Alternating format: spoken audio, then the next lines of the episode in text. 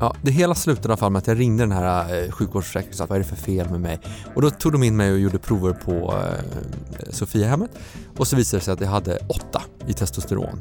Och det tyckte de inte lät så bra för en 39-åring. Men det känns som att när folk eh, tycker att det är skämmigt, det är väl för att eh, utåt sett så tror alla att så här, jag kan inte få upp det, att det direkt är kopplat till sex. Men med dig var det ju mest trötthet och eller det var väl bara trötthet.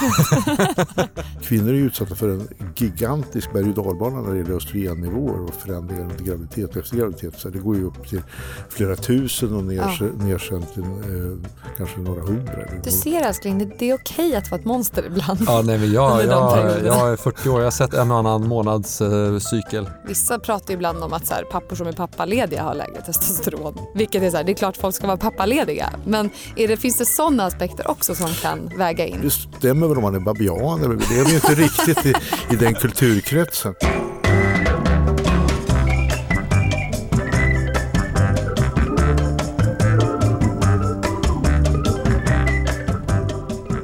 Vad roligt att ha dig här. Välkommen Stefan Arv, Arv, vad säger man? Arver? Stefan ja, Arver. Stefan Arver. Nu ska jag försöka... Tack så mycket.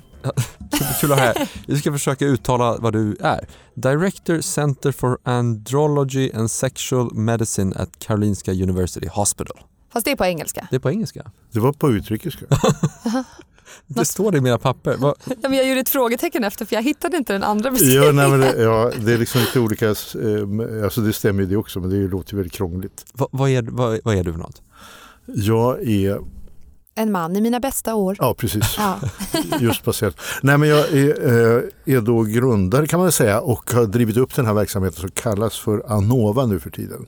Och det är en multidisciplinär verksamhet som sysslar med reproduktiv hälsa, det vill säga sånt som har med fortplantning, med sexualitet och i det så kommer in väldigt mycket med styrning och reglering, det vill säga hormoner och andra saker. Det är en multidisciplinär enhet. Jag är hormonläkare, eller eh, reproduktionsendokrinolog om man vill krångla till det.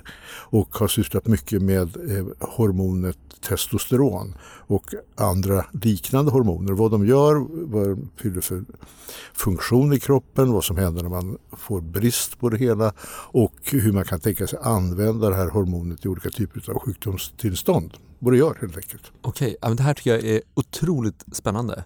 Jag, jag har nämligen haft eh, eget företag under en tid och hade då en ganska sån dyr, tyckte jag, sjukvårdsförsäkring. Och då tänkte jag att men den där borde man kanske utnyttja för att, för att få lite eh, koll på hur man mår. Och jag, jag, jag var väl lite trött, kan vi säga att jag var lite trött? Ja, eh, alltså enligt mig då har du alltid varit att du behöver dina pauser. Inte att du är trött hela tiden, men att ganska ofta behöver du powernappa. Ja, det hela slutade i alla fall med att jag ringde den här eh, sjukvårdsförsäkringen och sa att nu känner jag mig trött, vad är det för fel med mig? Och då tog de in mig och gjorde prover på eh, Sofiahemmet och så visade det sig att jag hade åtta i testosteron. Och det tyckte de inte lät så bra för en 39-åring.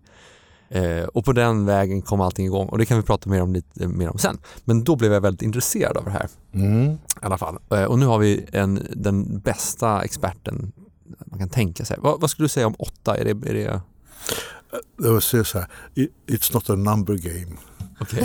Vi har alltså eh, olika känslighet.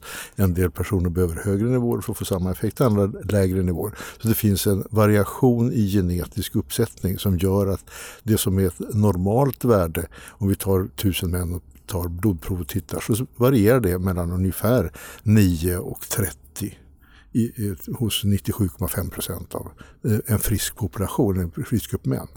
Åtta, ja det kan vara för lågt, det kan indikera att det finns en brist men det måste vara kopplat till någonting. Så siffran i sig säger inte att det är en brist utan det måste vara kopplat till någon typ av symptom som vi kan i sin tur koppla till eh, funktioner som testosteron utövar. Och det mesta som vi då så här kan säga statistiskt, det handlar om gruppnivå. Det vill säga vi tar en grupp män, vi tar prov, vi frågar om massa symptom och så ser man att jag är nivån av det här hormonet testosteron lägre än si och så. Då blir det betydligt vanligare med att man har symptom X, Y och Z. Så att eh, det, det, på gruppnivå kan vi säga sådana saker. På individnivå så är det ju en lite annorlunda bedömning vilket gör då att åtta kan vara alldeles utmärkt. Så var det en annan dold mening i det hela du sa och det var att hos en 30-åring, alltså en ung man, eh, frisk och stark på alla möjliga sätt, eh, ska ha högre nivåer. Det är, det är en missuppfattning. Eh, det är inte så att vi har som högst nivåer i en viss ålder och sen så faller det ut. Utan de allra flesta män som är friska, normalviktiga, behåller testosteronnivåer inom det vi kallar för det normala området långt upp i åldern, alltså 90 år till och med. Den vanligaste orsaken till att man får låga testosteronnivåer det är antingen att provet har tagits på fel sätt, det vill säga då kan det bli vad som helst. Men den vanligaste anledningen till att det verkligen sjunker, det är övervikt. Att man dragit på sig en massa fett. Och sen kommer det en hel del följdeffekter av att man har en övervikt. Men det är så att säga, statistiskt den vanligaste orsaken. Och då ramlar testosteron ner oavsett om man är 25, 45, 75 eller 65 så ramlar det ner. Mm. Men det, det, man kan säga då om, eh, om symptomen var väl att jag kände mig lite trött innan eh, och lite sådär seg, men inte egentligen några andra symptom än det. Och sen så fick jag då eh, på prov för att se vad som händer om man nu ökar den här med eh, Tostrex tror jag det hette. Mm. Eh, som är en gel. Eh, och det var ju väldigt nice. Alltså man, jag blev superpigg och gick upp massa muskler och kände mig som eh, en 20-åring igen. Hur fort gick det då? Ja, men det gick väl Ganska snabbt va? Ja, en månad kanske. Kan det ha varit det? Du såg ut som en här simmare. Det var helt sjukt. ja, jag vet inte. Men i alla fall. Så, men, och sen blev jag då allergisk mot den här äh, eh, gelen. Kunde inte ta den mer. Eh, och då sjönk det ner igen. Och sen så började jag göra massa saker, träna på ett nytt sätt och eh, ta lite diverse tillskott och testa med allt möjligt. Jag har ingen aning om vad det var som funkar, men något var det som funkar för det började klättra igen. Mm. Körde mountainbike i skogen och träffade på älgar. Och liksom. jag, jag höll på med liksom Call of Duty-träning, gjorde farliga saker och höll på. Men jag, jag Boxades i källaren, satte Kampsport. på liksom jättehård rock. Så att hela huset skakade. Liksom. Så att jag erbjuder mig själv här som forskningssubjekt till eh, Mm. Eh, nej, men i alla fall. Så, ja. det, frågan är ju då, eh, för att uppenbarligen så var det något som hände här och vi tog flera prover så det var inte bara att just i det fallet var det inte ett feltaget prov. Och någonting hände ju här. Liksom då. Men, men, finns det, alltså att man kan tillföra testosteron det fattar man ju, liksom. men finns det sätt att göra det på, på naturlig väg så att säga, som man vet fungerar? Ja, alltså behålla normala nivåer eh, eh, genom livet. Ja, det är ju genom att inte gå upp i vikt. Den viktigaste saken, alltså inte överviktig. Eh, det andra är att man har turen att få vara frisk. Eh, det vill säga man drabbas inte, har inte någon ämnesomsättningssjukdom eller man har inte, råkar inte ut för någon cancersjukdom eller något sådär som, eh, som ger, gör att man får krävande behandling som påverkar hormonsystemen. Sådana saker som eh, kan drabba under livet, ja det ger påverkan får man till exempel en cancersjukdom i blodsystemet, en lymfom eller någonting som får behandling för det, man får testikelcancer, en annan sjukdom eh, hos relativt unga män. Eh, ja, alla de där sjukdomarna som vi kan sätta under hatten, cancersjukdomar, leder till en ökad risk för att få brist på det här hormonet testosteron. Men det är inga sådana vardagliga eh, sätt att leva på eller hur man har sitt, hur förhållandet är eller vissa pratar ibland om att så här, pappor som är pappalediga har lägre testosteron. Vilket är så här, det är klart folk ska vara pappalediga men är det, finns det sådana aspekter också som kan väga in? Ja, man, man, du kommer direkt in liksom på hela mytbildningen kring det här ja. hormonet som tillskrivs alla möjliga mystiska och eh, revolutionerande egenskaper och effekter mm. och så. Att det är liksom relaterat till eh, karriärstegen på jobbet till exempel så är det den som har högst testosteron som är högst upp. Och det stämmer väl om man är babian eller det är vi inte riktigt i, i den kulturkretsen. Eh, så att eh, det är tråkigare än så. Eh, men eh, det som är förstås att eh, man har en någorlunda dygnsrytm man sover på nätterna för det är en, återhämtnings, eh, en återhämtningssituation för många funktioner, bland annat det hormonella systemet. Eh, och har man en, sömnstörning som ju kan vara beroende på mängder av olika saker, ja, då får man en störning i hela hormonsystemet, i den biologiska klockan. Och det påverkar också testosteronnivåerna negativt. Eh, nu kan man ju också eh, vara andra saker som eh, påverkar. Det här med fysisk aktivitet är en viktig del i att upprätthålla ett bra hormonellt system. Inte för att man liksom springer sig till ett högt testosteronvärde men det underhåller kroppens funktioner och i och med det så underhåller det också en sund hormonell situation. Mm. Är det samma sak med sex? Och hur, liksom?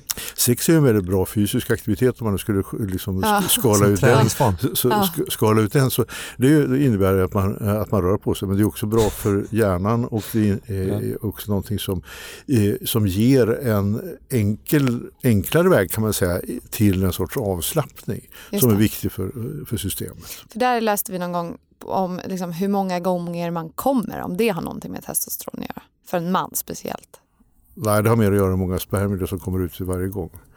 Men inte så att ah, okay, det, så det har ändå en betydelse? Ja, det, eh, det produceras ett visst, visst antal per dygn ah. eller per timme. Ah. Och om man tömmer ut det så blir det färre kvar. Men det kommer ju nya hela tiden. Och det påverkar det testosteron? Nej, det gör det inte. Det, är, det är mera temporärt alltså i, under själva sexakten eller i, i samband med en ishockeyturnering. Mm. Då sjunker testosteron. Men det beror inte på att det, produktionen är sämre eller att det inte fungerar. Nej. Det beror på att det åker ut i vävnad, i kroppen och jobbar. Men det finns ju massor av myter här, det märker jag för jag har ju googlat alltså. Det är proppat. Och det är ju ja. också en massa lättköpta poänger i det och ibland, av och till så dyker det alltid upp någon, någon typ av verksamhet där man försöker kapitalisera eller sälja in det här konceptet. Det är ju ganska lätta grejer. Vill du bli starkare, vill du bli mer framgångsrik, vill du spela bättre golf eller vill du bli en hjälte i sängen eller vad det nu kan handla om. Och så står det bara testosteron. Så marknadsförs det i länder där man kan marknadsföra läkemedel direkt till konsument. Just det. För vi pratar nu lite om hur det är för män. Men kvinnor har ju också en viss typ av nivå av testosteron. Ja.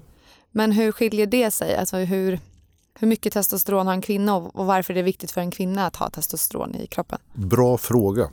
För det är inte definierat, men vi vet ju att testosteron eh, eh, har effekter både hos män och kvinnor. Och det handlar om, om samma sak, muskulatur, det handlar om psykosexuell funktion och så. Men det finns hos män så regleras testosteron väldigt eh, strikt av ett hormonellt eh, termostatsystem kan vi säga. Hos kvinnor finns inte den regleringen. Testosteron hos kvinnor kommer till hälften ifrån äggstockarna, från ovarierna, som en spillprodukt av att man tillverkar mycket östrogen där. Och det andra stället kommer från, från binjurarna. Så att hos kvinnor så finns det normalt en nivå av testosteron. Tittar man på nivån av testosteron och försöker korrelera det till någonting så är, är det inte när det gäller till exempel psykosexuell funktion någon, någon tydlig korrelation eller samband. Men man kan säga att kvinnor som har höga testosteronnivåer vilket vissa sjukdomar leder till, har en eh, lättare för tungt fysiskt arbete och det ser vi i idrottsvärlden till exempel. Just det att det är en ansamling av kvinnor som har eh, av sin egen kraft högre testosteronnivåer. Ofta beroende på att man har en störning. Ja, men för jag nästan läste att man kontrollerar det i sportsammanhang, hur, alltså vad du har för testosteronnivå som kvinna. Ja, att det nästan kan bli dopnings... Ja, och det där blir, det, det där blir liksom, det, det, här är verkligen att sätta problematiken kring idrott och kön på sin spets. Därför att vi, eh, vi är tillåtna att vara duktiga, vi är tillåtna att vara bättre. Det finns en biologisk fördel hos vissa personer. De blir mycket bättre att springa och hoppa. Och det, det är en biologisk fördel. Och då har vi en indelade kön, män och kvinnor. Och då får man tävla i olika grupper. Och, eh, och sen så finns det då som då har den här typen av ämnesomsättningsstörningar som ger en fördel i idrottssammanhang. Är det okej okay eller inte okej? Okay? Mm. Ja, eh, det här kan inte rå för att man har den här sjukdomen eller den här åkomman. Men då har man eh, liksom sagt så här, okej, okay, eh, vi, eh, vi kan inte liksom låta extrema varianter av sjukdomar som ger höga testosteronvärden eh, måste, måste liksom uppfylla någon sorts regelverk som gör det någorlunda schysst. Eh, och då har man eh, gått ut, utgått ifrån en gräns och säger man får inte vara högre än si eller högre än så. Ja. Men, men hur, eh, de som faktiskt trots allt då har besvär av att man har för lågt testosteronvärde. Vad är det för typ av besvär? Ja, alltså trötthet det är ju så diffust symptom så det kan ju i stort sett alla typer av sjukdomar leder till att man känner sig trött. Så det är väldigt ospecifikt. När det gäller testosteronbrist så är det också så att det finns inget specifikt symptom utan det är flera olika saker. Och tittar vi på män, vuxna män med lågt testosteron, vad är det som faller ut väldigt tydligt med en hög, eh, en hög koppling? Det är tre sexuella symptom. Det vill säga att man har eh, tappat morgonerektioner, man har tappat intresset, inga sexuella fantasier, ingen sexuell drift och man har erektionsproblem. De tre grejerna. Då, eh, har man de tre så är, är det är inte lika med att man har ett lågt testosteron men sannolikheten är ganska hög att det är så. Mm. Så att det, det, då kan man säga, vad är det mer för någonting? Ja, det var ju det där med muskler vi pratade om. Man tappar i eh, benmineralhalt eller i, i benstommens styrka, hållfasthet. Mentalt eh, är det mycket vanligare med nedstämdhet och depressioner om man har låga världen Och testosteron har en påverkan på sinnesstämning eh, och eh, också en påverkan på grad av oro och bekymmer, eh, bekymmer man är över saker och ting. Motiv motivation har jag hört. Ja, det, det, är också en del av det här komplexet kring nedstämdhet och lust, lust till att göra saker överhuvudtaget. Så är också motivation någonting som man kan säga att ja, det är kopplat till testosteronnivå. Mår man bättre så är det lätt att vara motiverad.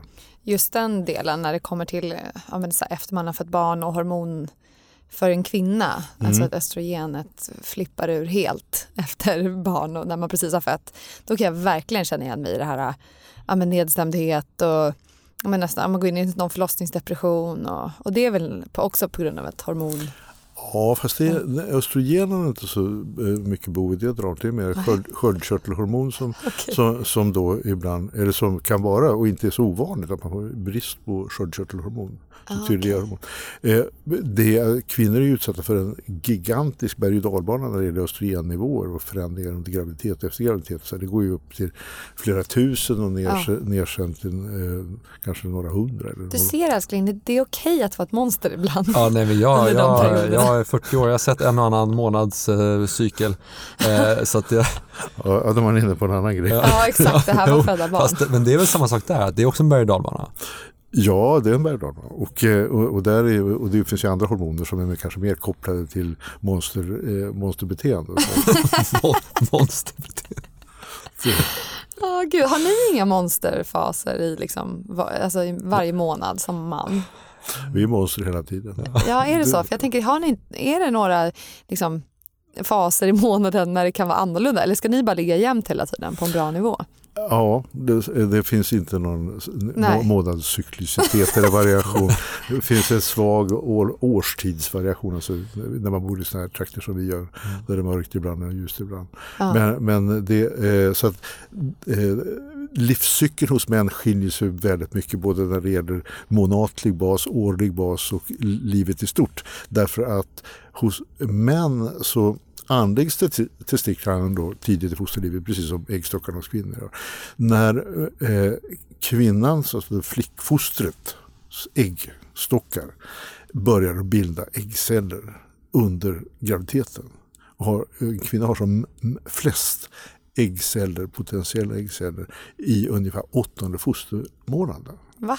Och då är, det kanske ja. det är några, hundra, då är det några hundratusen.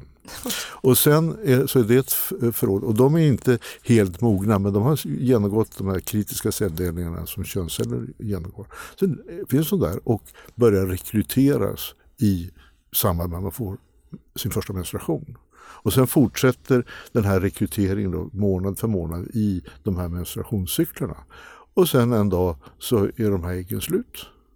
Och då upphör menstruationerna, då upphör de här cykliska variationerna och då sjunker östrogennivåerna. Hos män är det nästan tvärtom. Det finns inga spermier överhuvudtaget i testiklarna. Eh, det finns stamceller men det finns inga, ingenting som ser ut som eller man börjat dela sig. Förrän man kommer in i puberteten. Då ser det pang och så börjar, börjar de här stamcellerna att dela på sig och bilda spermier. Och de bildar inte bara spermier utan de bildar nya stamceller. Så att det här blir en evighetsmaskin så länge man lever. Och från puberteten och fram tills man dör så, eh, eh, så produceras hos män spermier. Så det mm. finns, inget, det finns ett, en tydlig början men det finns inget tydligt slut hos män. Och det är en stor fundamental skillnad mellan män och kvinnors eh, hormonella liv kan man säga. Wow, vad wow. skönt för er. Ja. Ni slipper det här hormonella kaoset vi har. Men i, i den mån, det var för övrigt en sak som jag fick lära mig då när man inte kunde få den här gällen, att då mm. var det depåsprutor som gällde och då, och då kom man i princip in i en berg och också om man tar depåsprutor, stämmer det? Alltså, syftet med behandlingen är ju att göra livet behagligt.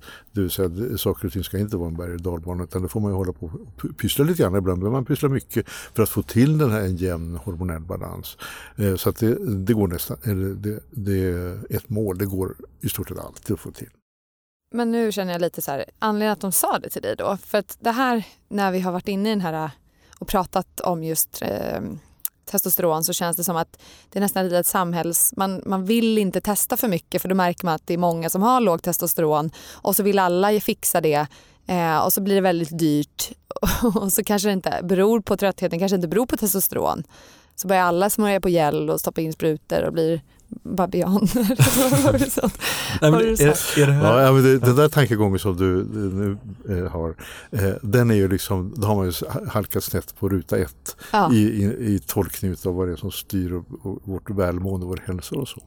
Eh, och att alla skulle vilja ha testosteron, det, det är nog en snickesnackig grej kanske ja. någonstans. Men i verkligheten så hur många män är det som har testosteronbehandling i ett land som Sverige? Det handlar ju om någon procent eh, av vuxna män. Och eh, testosteronbrist med symptom kan man liksom grovt räkna ut ifrån lite epidemiolog, eh, befolkningsstudier. Kan man säga. Ja, det kanske handlar om 5% av män över 40 år eh, som har eh, en brist som skulle då förändra livet om man behandlade. Men det känns som att, eh, visst du säger att det inte är så många som behandlas, men när vi har pratat lite med bekanta och vänner så känns det som ganska många ändå man tycker så här, ja men jag hade också det. Det kryper fram ja. ja. För det, det, här är ju ett, ett, har jag i alla fall märkt, för jag är ju väldigt öppen, jag har inte mm. tänkt på att det här är något uh, skämmigt. Men när jag börjar helt öppet prata med folk, då visar det sig att ja, men det där hade jag också. Och det, är ingen som, och det har varit någon slags skam förknippat med det. För det hade du symptom eller hade behandling? Eller hade Nej, men som hade låga värden och som hade i rätt, rätt många fall ändå fått behandling för det. Eh, mm. Men framförallt som hade då eh, ja, fått någon slags diagnos då, att de hade för låga värden. Men det var mycket vanligare. Det var på något sätt som att det var så här, men det där har jag också. Men det känns som att när folk eh, tycker att det är skämmigt, det är väl för att eh, utåt så tror alla att så här, jag kan inte få upp det, att det är direkt är kopplat till sex. Men, eller erektionsproblem. Eller, man, eller manlighet. Manligheten är så här, jaha, jag har lågt testosteron, men då är du, då är du inte en riktig man. Liksom, eller då har du problem. Men som i vissa fall, så, som vi tror i alla fall, eller som vi sa med dig, med dig var det ju mest trötthet och eller det var väl bara trötthet. Nej, du var väl, ut, du var väl liksom utarbetad. Nej, det, var så, det var rätt kul faktiskt, för jag var där och så, och så var så här, hur har du med sexlivet? Och så tittade jag på Julian så här, stor gravid mage.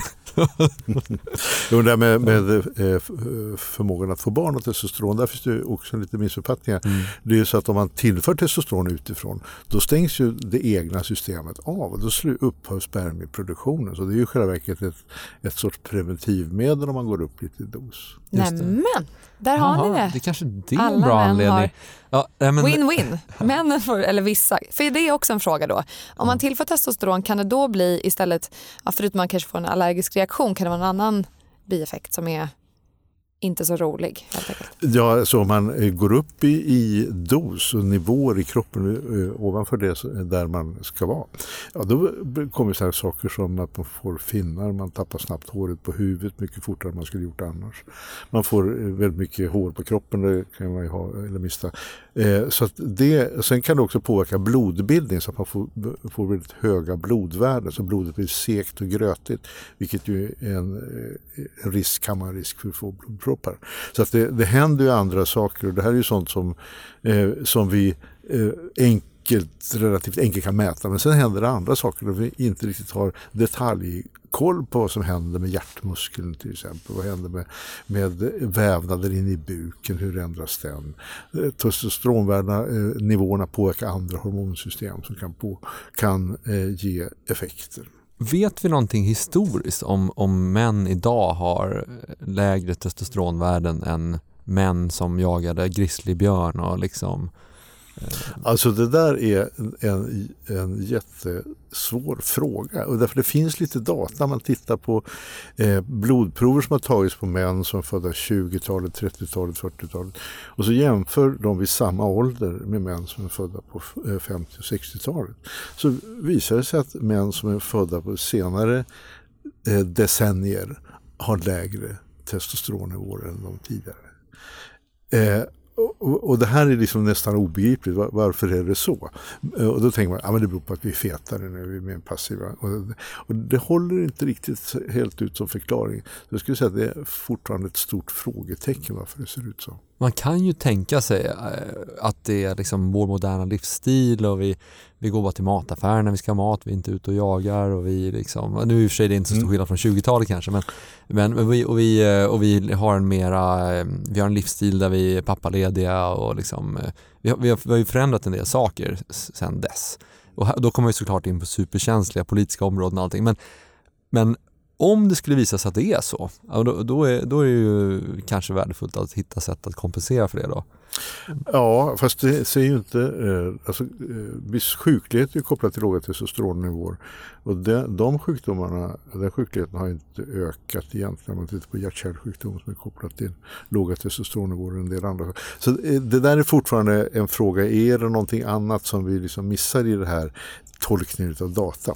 Mm. Och eh, jag tror ändå att det är så att det har mycket med eh, vårt, eh, möjligen vår livsstil att göra. Att vi är, var då mer fysiskt aktiva än vad vi är idag. Men det, det är en fråga, är det så eller är det inte så? Forskas det på det nu? Ja, mm. det gör det. Man försöker hitta eh, eh, förklaringar och mekanismer. Ah, okay. Men jag är lite så här för att börja runda av lite. Alltså är mm.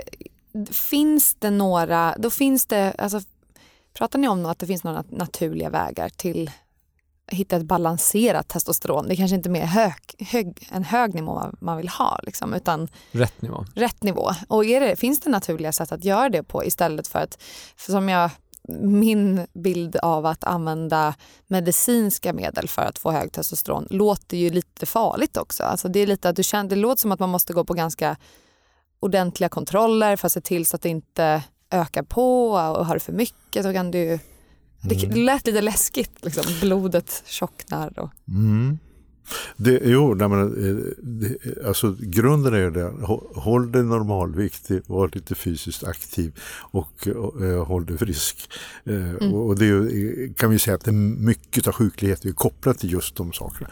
Eh, alkohol är en bov i dramat. Alkohol påverkar det här hormonsystemet på ett negativt sätt. Det, alkohol är ett testikelgift så att eh, Eh, om man ökar konsumtionen av alkohol så får man lägre testosteronnivåer och om man dricker väldigt mycket alkohol så får man en permanent skada eh, på det som får en ordentlig brist.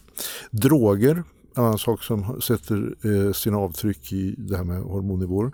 Eh, och särskilt cannabis och opiater av olika slag. Det, det stänger av det här systemet och, och cannabis är, är ett eh, testikelgift kan man säga. Det förstör både spermieproduktion och testosteronproduktion. Så om man, om man röker riktigt mycket cannabis så, så, så, kan man ha det som preventivmedel? ja, jag tror man, blir, man blir rätt ointresserad så det funkar med, på, med, via på, flera, med, på flera mekanismer. Det där är, men det här är ju sånt som jag aldrig har hört. Alltså ja. att alkohol och eh, droger påverkar testosteronet. Ja, det är jätteviktigt. Och, ja, men varför pratar har... inte folk om det känner jag? Ja, ja det, det kan jag inte svara på. För det men... tror jag var jätte, en jättebra grej för att få folk att dricka mindre och ta mindre droger tror jag. För att inga män vill ha lågt testosteron. Nej, men det kan man säga det med, med, med droger. Alltså, nästan alla droger, de flesta har ju någon sorts koppling till eh, det är liksom sex, drugs och rock'n'roll eh, fantasin. Ja. Det och det här är ju liksom rena rävgiftet. Om man, om man skulle satsa på det.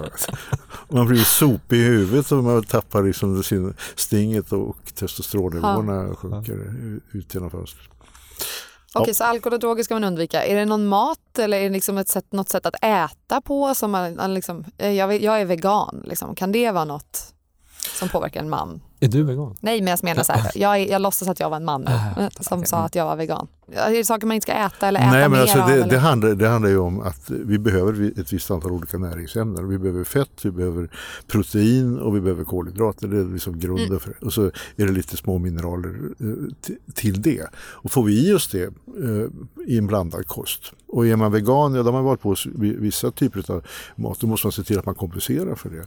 Eh, men det går att överleva som vegan också, det är alldeles utmärkt. Ja. Men, men det, det kräver lite mer omsorg när det gäller det. Vad ska man undvika? Ja, liksom att övervikt är inget bra. Eh, och, eh, och då kan man säga att ja, mycket fett till exempel. Men eh, det ger inte en permanent störning. Men, men tittar man efter en fet måltid så kan man säga att då sjunker testosteron. Och det kan det göra för det är back up igen i nästa dag, nästa vecka. Så att det handlar eh, på något sätt ganska enkelt om att eh, ja, man ska ligga på ett BMI någonstans mellan 22 och 25-26 sådär. Eh, om vi nu pratar om eh, normalkonstitution, alltså att det inte är muskelberg utan pratar mm. normal blandning. Så att man håller fetthalten i kroppen eh, i schack. Då funkar saker. Det, det finns ju en trend skulle jag säga i världen att, att de här manliga problemen om man pratar om eh, vad heter det på svenska, erectile dysfunction, den här typen av, vad heter det på svenska? Erektionsproblem? Ja, precis, den typen av saker. Mm. Eh, det, det har ju varit liksom sjukdomar som man får medicin för, det har varit liksom funnits i den världen. Och nu börjar man se att till exempel i USA finns det ett varumärke som heter Hims. Där det liksom är lifestyle, det är väldigt snyggt designat och det, de har precis samma produkter som förut har varit liksom medicin men nu är det liksom livsstilsprodukter med jättesnygg design och det är för friska män liksom, som, som eh, manlig hälsa handlar om plötsligt. Det handlar mycket om att patentet på Viagra gick ut. Det, det, det, tro, det tror jag var det som kickade igång allting. Men det är ganska intressant att se eh, och, och det, det, är det en trend som liksom ni ser och följer från forskarvärlden också? Eller? Det, så, eh, det, det här med hormoner är ju lite mytomspunnet eh, och, så, och det, har, det är ju potenta substanser som kan göra saker eh, på gott och ont. Och det har ju länge funnits en, en verksamhet, då framförallt i USA, där man tar ut svängarna mycket mer, både liksom framåt och bakåt, eh, än i, vad vi är vana vid i Europa. Och där har man haft så här longevity clinics, alltså i, dit man går för att eh, liksom vara i superform och vara som en 20-åring kanske ännu vad man har för mått. Eh, och få muskler och hjärnan och allt det här systemet att funka eh, perfekt eh, långt upp i åldrarna. Och det där skulle jag vilja säga att det handlar mycket om en, en dröm, en önskan. Men om det är kopplat till att man samtidigt luras in till att bli mer fysiskt aktiv så, då kan man proppa i sig vilka piller som helst. Så ja. funkar det. Ja. Eh, och, och sen när det gäller erektionsläkemedel så ja, det är bra. Det är sensationellt bra läkemedel. De är ganska ofarliga och har en god effekt. Bra för kärlsystemet. Så mm. så det, men, men det man då håller på med det är ju då tillväxthormon som är väldigt knepigt och väldigt riskfyllt skulle jag säga. Testosteron som har mindre, negativ, mindre svårhanterligt och sen sköldkörtelhormon. Det är de tre populäraste hormoner som man gör olika kombinationer och dekokter utav. Så det ligger liksom utanför, ute i, i, vår, i tassemarkerna ska jag säga när det gäller ja. terapier. Det är mycket föreställningar kring det. Så vi, vi går inte gärna in i de här, den typen av användning av de här eh, läkemedel eller de här substanserna därför att det är kopplat till risker som vi inte känner till. Även om det funkar bra på person A så kan person B så kan det vara en katastrof. Det. Och det beror på vår genetiska uppsättning, det beror på var vi befinner oss någonstans sjukdomsmässigt. Om vi har en diabetes, om vi inte har det, har hjärt-kärlsjukdom eller inte har det så kan vi reagera väldigt olika. Jag tror att det här avsnittet har liksom lugnat ner ganska många män där ute. Det känns så. Det känns som att du avdramatiserade. Men jag tänker också på, vi har bara pratat om låg testosteron. Jag känner att vi kan ta någon snabb liten avslutning i högt testosteron. För det har ju vissa också. Och, eller det kanske inte är alls en sån, något Nej. vanligt. Nej.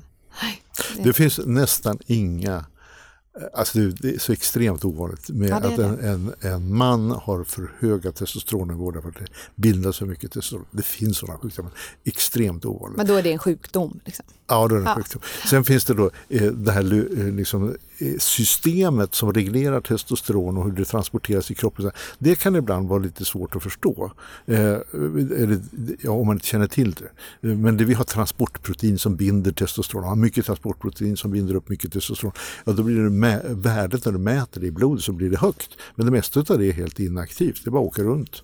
Eh, Och eh, andra har låg nivå av eh, proteinet och då kan ett lågt hormonvärde vara absolut eh, jättebra.